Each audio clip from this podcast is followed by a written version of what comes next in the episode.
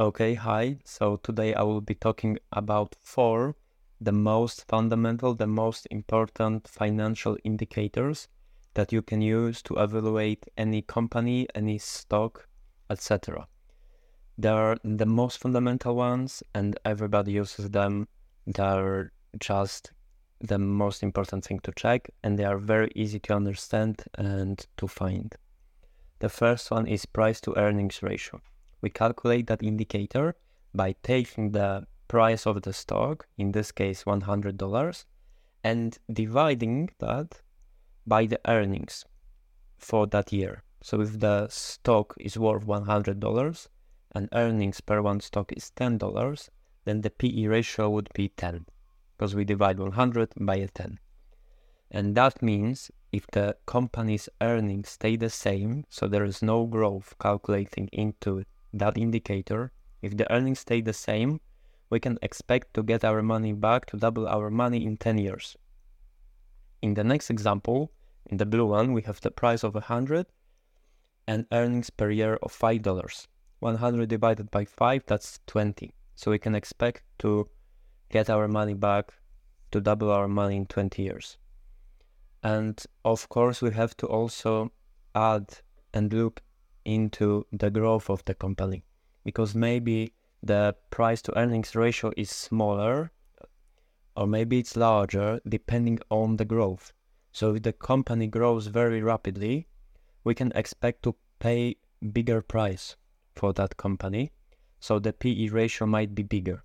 And if the company is a slow grower, the PE ratio might be lower. The next indicator is also very important. It's price to book value. So book value is the value of all of the equipment, building, cars, machines that the company possesses. So in here we have two examples. The red one, the book value is 1 million. So the car and the building is worth 1, 1 million. But the market cap, so the price of all of the stocks of the company summed up together, the whole market valuation of that company is 2 million, meaning it's twice the real book value of that company. So the PB, the price to book value, would be 2 in this case. But in the case where the company has book value of 5 million and market cap is actually below book value, the market cap in this case also being 2 million, the PB ratio is 0.4. And that can sometimes happen that the stock uh, market, the market cap is lower than the real book value. And sometimes it can happen just because maybe the company has some problems, maybe there's some bankruptcy risk, or maybe the company is not generating any money. Maybe those uh, buildings are just staying uh, empty, not earning any money, not being worth really anything to those companies. So maybe that's why the price to book ratio is very low. But sometimes it can happen that the market is just very pessimistic and the price just goes low and low and low and lower and lower. And in this case, we can talk about anomaly that can give us a huge opportunity to earn money. Also, we can look more in depth into this indicator, like we could with the PE ratio. With the price to earnings ratio, we could look at growth and also add that into the equation. In here, we can look into the financial reports. Every company publishes them usually on their website, and we can read how they put mm, things into the book value. Sometimes they use the cost of building. So if it costs them 1 million to build certain house, they will put it into the book value for 1 million, although the market value, the real market value might be higher than 1 million. Also, maybe they bought some building five years ago or built that building five years ago. And five years ago, they built it for 1 million. And it stays in the book value at the same price. So it stays there for 1 million. Although that building nowadays might be worth 3 billion, uh, 3 million or 5 million. Maybe they bought some gold 10 years ago and they still didn't update the price. But that's like higher level of uh, analyzing. This, what you can see here is the most basic one. The next indicator are net profit margins. So the most important part of the company, of course, is being able to make money. And we want to see big margins. In this example, the company produces an apple for $1 and sells it for $1.5. So we get 50, uh, 50 cents of profit. So that's a very good margin. That margin is 33% because margin is calculated from the total revenue, in this case $1.45, so the price that the apple was sold for, how much of that is our net income? So net income of that is 50 cents. So 50 cents of $1.5, that's 33%. So that's our net profit margin. And in this example, the company doesn't pay taxes. So it's just selling for one, uh, selling for 1.2, earning 50 cents, and the net profit margin is 33%.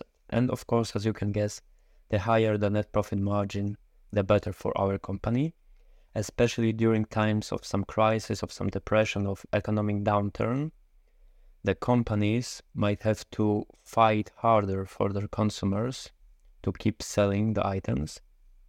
So they might fight using the price, so they might lower the price. So having greater margins make it possible for those companies to be profitable during times of recession, depression, or just economic downturn. And the last indicator is about debt. So we don't want to buy a company that's heavily in debt because it just makes them easier to go bankrupt. And when they do, you will probably lose everything. So in here we have debt ratio, which is just comparing total debt to total assets. So total assets are everything that the company has. So equipment, buildings, cars, etc. And debt is just debt. So in here we have to divide the total debt by total assets. So if the assets is 2 million and the debt is half a million, we would divide debt by assets, so 0.5 divided by 2, that would give us 0.25. And it's a debt ratio of 0.25, meaning that the debt is 25% of all of the assets. So 25% of the assets were bought using debt, or the debt is equal to 25% of the assets. And here, when analyzing debt, you can also go more in depth. Is this a short-term debt or is it a long-term debt? What's the interest? How much is the cost of the debt? How much are they paying for that debt? Because if the company is having 33% profit margins and they are only paying 5% in interest, it's a great opportunity to get more debt and it can be a good debt that actually lets the company earn more. But if the interests are very high and are higher than the return on investment of that money, then it can be called bad debt. Okay, so those four indicators, they are the most important one. Let me summarize them. So price to earnings ratio compares the current stock price to the earnings of the last year of that company and gives us a, as an estimate in how many years we will double our money if the earnings stay the same the price to book value, it compares the stock price to the value of all of the things that the company possesses, like buildings, machines, etc. The lower the price to book value, the better. If you have price to book value of 2, that means the market cap, the stock market capitalization is twice the real book value of the business. So the lower this indicator, the better. Then we have margins. So margins show us how much of all of the revenues are going to be converted into profit. So if we make, if we sell our products for $1.5 and 50 cents of that is our profit, then we have margins on, of 33%. And last one is debt ratio, where we divide total debt by total assets. And the answer, like in our example 0.25, that shows what percentage of all of the assets are financed by debt. So if the company has 2 million in assets, 0.5 million in debt, that means 25% of all of the assets um, are equal to debt. Okay, and I hope uh, that will help you. Those indicators are not very in depth, but they are the most basic and can be used to distinguish a very bad company from an okay company that is worth more time to investigate and to analyze. Okay. I wish you a great day. Thank you for listening. I hope it helped.